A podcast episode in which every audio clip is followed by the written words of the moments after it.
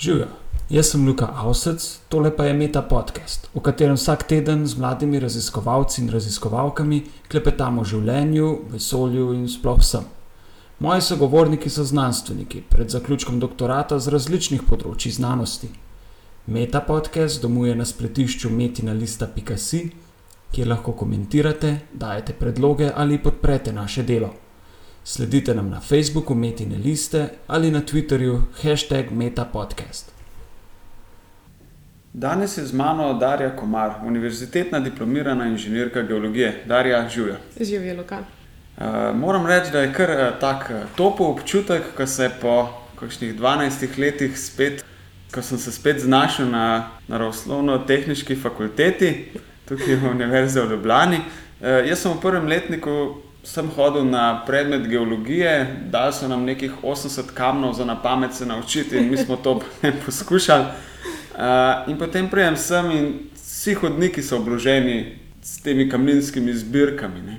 Kako se ti počutiš uh, obdana z vsemi temi kamni? Ja, meni je super. Naša zbirka je ena izmed največjih zbirk kamnin v Sloveniji. Inventiranih vzorcev je nekje čez 14 tisoč, mislim, da tam 14 280 in še raste. No, zbirka nastaja tudi v bistvu že skoraj 100 let. Ja, Tako da tistih 80 kamnov, ki smo se jih mi enkrat naučili, je najbrž res samo ena kapljica. Tako je. Ti si inženirka geologije, tvoja doktorska tema je na to temo, Je vezana je, je vezana na geologijo, geologijo. Tvoj študij pa je v bistvu na fakulteti za gradbeništvo in geodezijo, smer grajeno okolje, geologija. Kako, kako pridemo do tega? Ja, pred leti smo se, se je naš oddelek, kar se tiče podiplomskega študija, pač združil z fakulteto za gradbeništvo. Eh, tako da danes eh, smer grajeno okolje pač eh, združuje različne podsmeri, se pravi geologijo, gradbeništvo, geodezijo, mislim, da tudi eh, krajinsko arhitekturo. Tukaj pa si zaposlena kot eh, mlada raziskovalka na katedri za mineralogijo, petrologijo in materijale. Kakšna je vaša skupina in s čim se, se ukvarjate? Ja, eh, jaz sem v bistvu članica programske skupine Geokemijski in strukturni procesi. V našo programsko skupino je vključenih 17 raziskovalcev in dva tehnika. Zdaj ukvarjamo se seveda z zelo raznolikimi raziskavami, kajti naša skupina združuje raziskovalce iz različnih področji geologije. Eh, Združuje hidrogeologe, geokemike, mineraloge, rudne geologe, sedimentologe, stratigrafe, strukturne geologe, petrologe, pa verjetno bi se še kaj našlo. Prej si mi rekla, da nekateri re- delajo res tisto hardcore, hardcore ja. geologijo. Ne? Kaj si lahko o tem predstavljamo? Pokrivamo res velik del geologije, kot vede, in uh, naše raziskave so torej uh, tako temeljne, bazične, se pravi, kot so paleontologija. Uh, Tektonika plošč, ne si prej omenila, Tako. nastanek kamnin. In pa tudi potem bolj uh, aplikativne, oziroma bolj uporabne No, zadeve. tvoje raziskovalno delo sodi med te slednje, ne, bolj aplikativne. Sama si omenila termin geomedicina, kar je bilo meni nekaj čist zanimivega. Ne. Kaj, je, kaj je to? Geomedicina je dokaj novo področje. Gre za nek vpliv, oziroma uh, kako geološki materiali vplivajo na človeško zdravje. ne. Daj nam Pravi- kakšen primer, kaj si po tem Ja, predstavljamo. recimo uh, različni rudniki, ne? potem uh, kako recimo rodarjenje vpliva na človeško zdravje, potem so tu uh, ribe, pa vsebnost potencialno toksičnih elementov. Potem v bistvu tudi uh, sama moja doktorska dizertacija, peloidi oziroma zdravilno blato, kako se uh, elementi prenašajo na človeka. No, eh, pa so prišla že do, tvojega, eh, do tvoje doktorske teme. Eh, Se pravi, eh, ne blato, ne peloid. Tako, peloid je v bistvu strokovni termin, ampak bolj domač izraz nam je pa zdravilno blato. Se pravi, to je tisto, v wellness centru plačaš veliko denarja in te potem namažejo z neko sma, rahlo smrdljivo svinarijo. To je to. Okay. Vzdolž Jadranske obale se nahaja več nahajališč tega zdravilnega blata. Zdaj, uh, verjetno smo se že vsi, ki obiskujemo Hrvaško, srečali z njim. Najdemo ga na Krku, potem je na Pagu, pa malo nižje je potem Nin. Korčula, Sama preučuješ uh, en majhen zaliv, malo južno zaliv. od Zadra. Ne? Ja, uh, nahaja se med Zadrom in pa Šibenikom, uh, gre pa za zaliv Makirina, ki je v bistvu pa del večjega Pirovaškega zaliva. Zdaj bom jaz prebral eno definicijo, ne, kaj je zdaj to zdravilno blato ali peluid. Kot si ti enkrat napisala, gre za muljasto disperzijo z zdravilnimi in ali kozmetičnimi lastnostmi. Sestavljeno pa je to blato iz kompleksne zmesi drobnozrnatega materijala geološkega in ali biološkega izvora, mineralne ali morske vode, ter zelo pogosto tudi organskih spojin. To je tisto, kar smrdi. Ne? Kaj je vse v tem blatu in kako ga pravzaprav eh, vi definirate, ko ga preučujete? Mi ga definiramo kot recentni morski sediment, ker to blato v bistvu še, se še vedno formira, še vedno nastaja. Ko geologi rečete recentno, kaj to pomeni? Da še nastaja, v bistvu, da je današnje. Ne? Ampak recimo, če vzameva prerez tega sedimenta, recimo, koliko se ga vsako leto usede? Približno milimeter. Dobro, se pravi, če smo povzročili prve pol metra, potem Ja, smo naredili preseg zadnjih 500 let. 500 let. tako. Zelo nedavno. Zdaj, če bi hotel imeti natančno sliko, pač mora biti sediment nepremešan, kar je pa v bistvu v nekem morskem okolju zelo težko. Ne? Kako je v tem zalivu? Ne? Predstavljam si, da, da v njem čofotajo mamice z malčki, pa vsi tisti nadebudni kozmetični friki, ki se mažejo s tem blatom, pa kakšen čovn najbrž zapelje. To blato najbrž ni povsem nepremešano.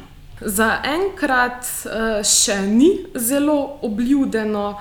Po tem, po tem podkastu bojo pa vsi vedeli, Ja. kam grejo letos na morje. Občasno se tam pojavi kakšen domačin, potem tudi kakšni turisti.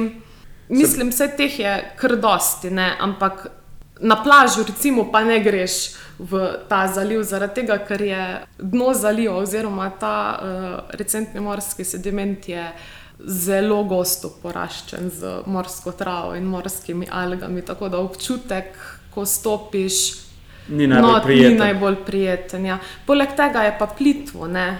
pol metra do enega metra. In, uh, Hrvaška obala nudi še dosti drugih draguljev. ne. ja. Ko rečemo zdravilno blato, ne, se pravi, omenila si domačine, ki se z njim mažejo. Je to že dolgoletna praksa, se to ve, da gre za zdravilno blato, ali Ja, je to, ja, to, nek se ve, poskus? to se ve, recimo, ravno v tem obdobju, ko pač delam uh, na tem, sem se pogovarjala z dostimi domačini.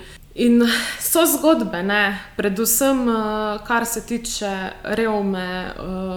Marsikdo izmed njih je prepričan, da mu je ravno to zdravilno blato pomagalo, da se je ozdravil. Zdravilno blato ni neka nova modna muha, ne? že v Ne. antiki so ga uporabljali. Seveda, že v obdobju starih Grkov in pa Rimljanov. Imamo tudi eno do, dober izraz, ne, balneoterapija, ta širši izraz, ki zajema vse te kopeli. In te kopeli so veliko krat vključevale tudi take geološke, geološke pripravke.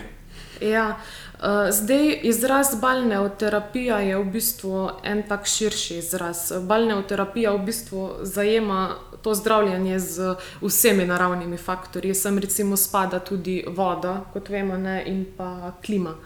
Uh, peloterapija je pa uh, prav zdravljenje z. terap- Terapije z blati, oziroma če bi to dobesedno prevedli, bi bilo to zdravljenje z zemljo. No, omenila si, eh, da je v naših sečovalskih solinah nedavno tega vzniknil en nov wellness center, kjer uporabljajo blato iz teh Tako. sečovalskih solin. In omenila si, v čem je glaven problem iz tvojega vidika eh, pri tej praksi, namreč da sestava mineralna ali pa tudi eh, vsebnost nekaterih onesnažil v teh blatih prvič ni dobro definirana, drugič pa niti ne vemo, kakšne naj bi bile te referenčne priporočljive vrednosti. Ja, zdaj na sečoveljskih solinah se dosti dela na raziskavah tega peloida. V bistvu je bil narejen pred kratkim doktorat. Smernic pa seveda ni, ne. Kar se tiče zakonodaje, je na tem področju res zelo pomanjkljiva.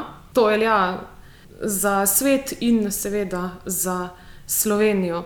Zdaj, najpogosteje se uporabljajo primerjave s pravilniki za kakovost kozmetičnih in farmacevtskih produktov. Zdaj, peloid je pač podoben nekemu dermatološkemu izdelku, ampak seveda to da nam neko sliko, ampak ni pa, ni pa zdaj to najbolj prav. Pogovarjali so se o tem, ne, kakšna vsebnost, totalna koncentracija recimo svinca, cinka, kroma, arzena je v nekem zdravilnem blatu, ne. Ampak ta celokupna, totalna koncentracija nam najbrž, najbrž ne pove čisto vsega. Ne, seveda ne, zaradi tega, ker vsi ti potencialno toksični elementi so v sedimentu oziroma tudi v tleh. Lahko vezani na različne trdne faze. Zdaj, lahko se vežejo na glinene minerale, lahko se recimo vežejo na karbonate, lahko se vežejo na organsko snov. In ravno to vezavo potencialno toksičnih elementov v tleh oziroma sedimentih ugotavljamo z metodami zaporednega izluževanja. Naš sediment, naša tla lahko vsebujejo visoke koncentracije določenih potencialno toksičnih elementov, ampak če bodo ti vezani v samo kristalno rešetko mineralov, ne bodo predstavljali nekega tveganja. Zaradi tega, ker se pod pogoji, ki so običajno prisotni v okolju, iz kristalne rešetke ne bodo mogli izlužiti oziroma sprostiti. Zdaj, težavo predstavljajo tisti potencialno toksični elementi, ki jim rečemo, da so mobilni. to pomeni, da so z nekimi šibkimi elektrostatičnimi vezmi vezani na površino, na primer glinenih mineralov. In recimo te bo v okolje sprostil že minimalna sprememba, recimo sprememba pH-ja, ne. Tako da ja, totalna koncentracija nam ne pove, ne pove dosti. Nam da v bistvu samo neko površinsko informacijo. Če si predstavljamo, kako poteka taka terapija z zdravilnim blatom... Ja, zdaj v recimo v sečoveljskih solinah in recimo pri v Makirini, se ljudje namažejo, potem se to blato na soncu posuši in spere, spere dol. To se pravi, treba se je sončiti s tem blatom in najbrž se potimo odspodaj, ta pot ima najbrž tudi neko funkcijo pri tem, ne. Pri prehodu potencialno toksičnih elementov oziroma esencialnih elementov v telo in obratno, se pravi iz telesa v peloid, ta vmesni medij je ravno pot. Raziskovalna skupina v Španiji je delala eno zelo dobro raziskavo, in sicer so preučevali mobilnost potencialno toksičnih elementov v peloidu v kombinaciji s tem z umetnim potom. zdaj mi zaenkrat te študije še nismo uspeli narediti, vsekakor upam, da jo bomo. smo delali pa oziroma smo določevali to mobilnost pa v samem okolju v Makirini, tako da neko informacijo, kako so vezani potencialno toksični elementi v našem peloidu, imamo.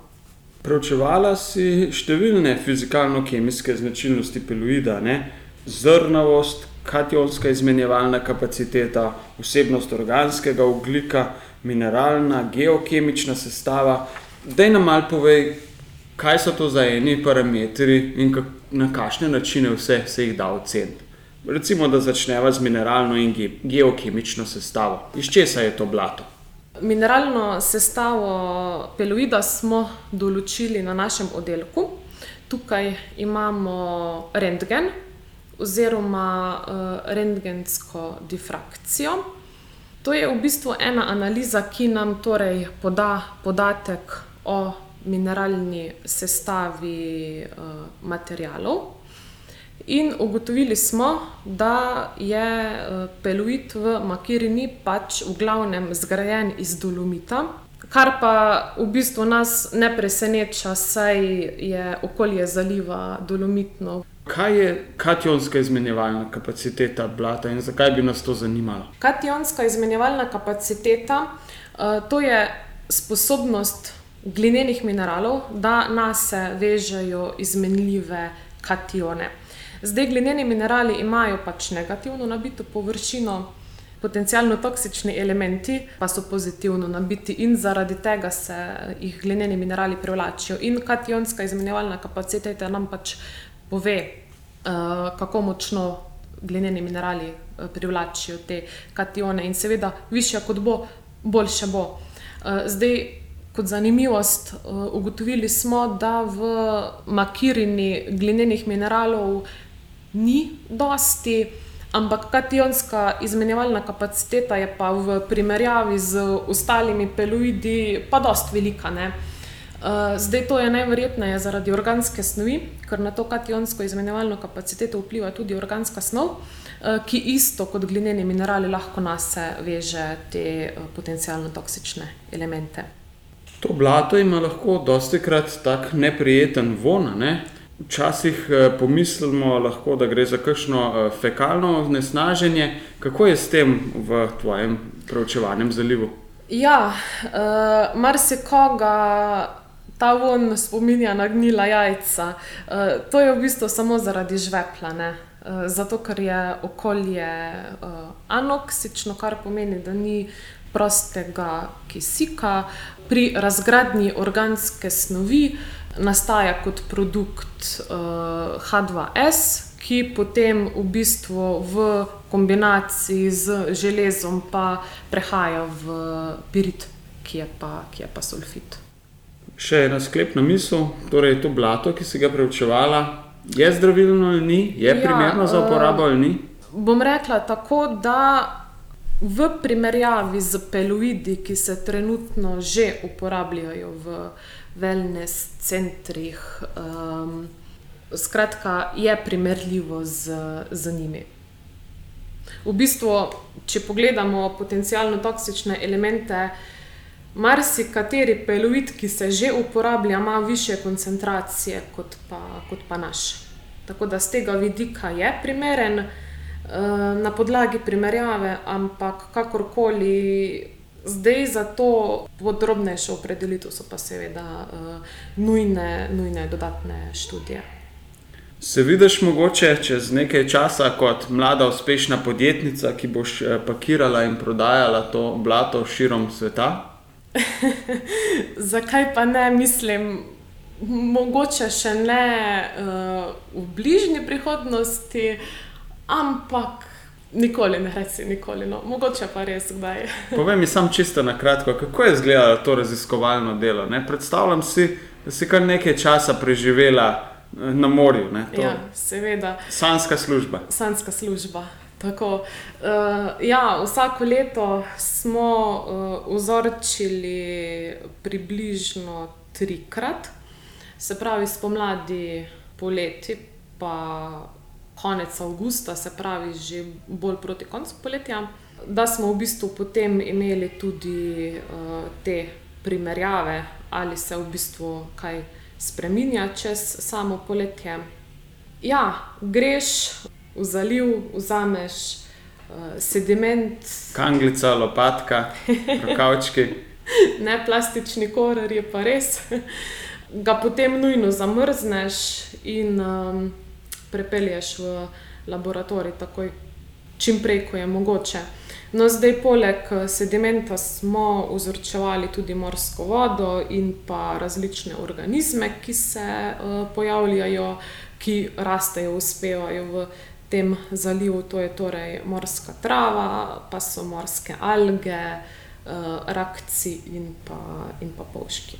Tako da v bistvu bomo lahko naredili tudi študijo, kako ti potencialno toksični elementi iz sedimenta pa recimo prehajajo v, v biot.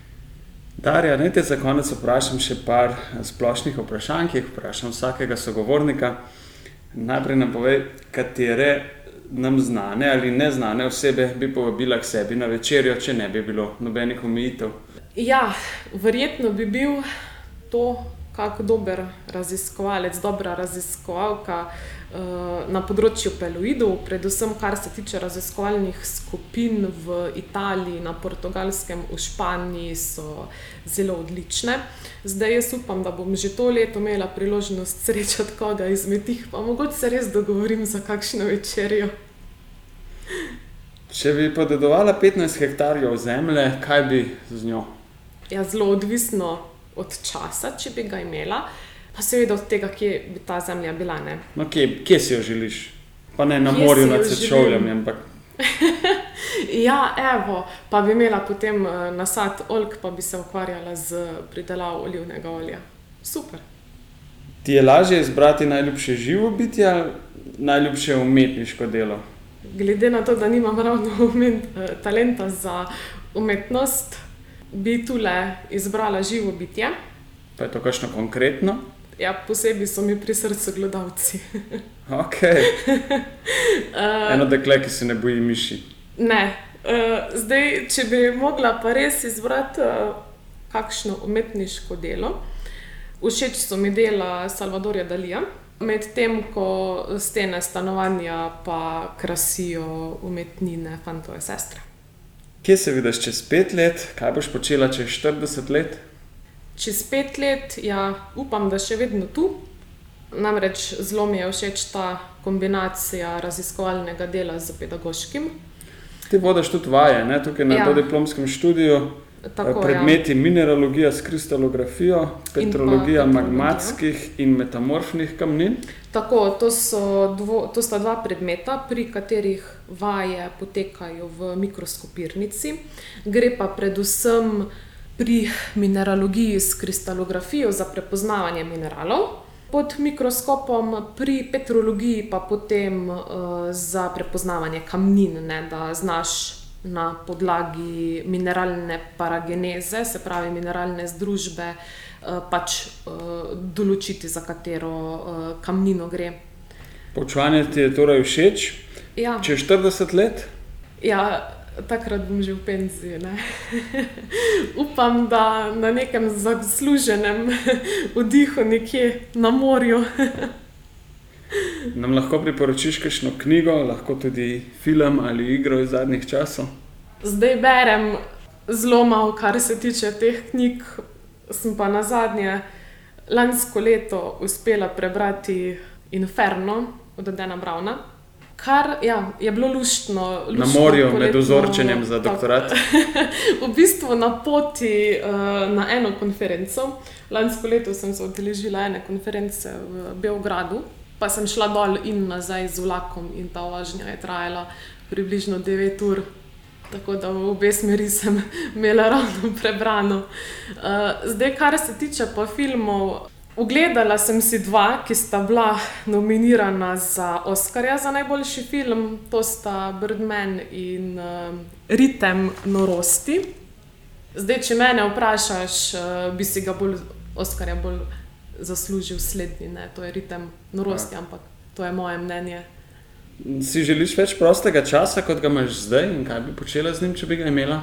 Saj mislim, da veš, kako je, bolj ko se bliža konec, oziroma čas, ko moraš doktorsko dizertacijo predati v branje komisiji, pač manj prostega časa imaš.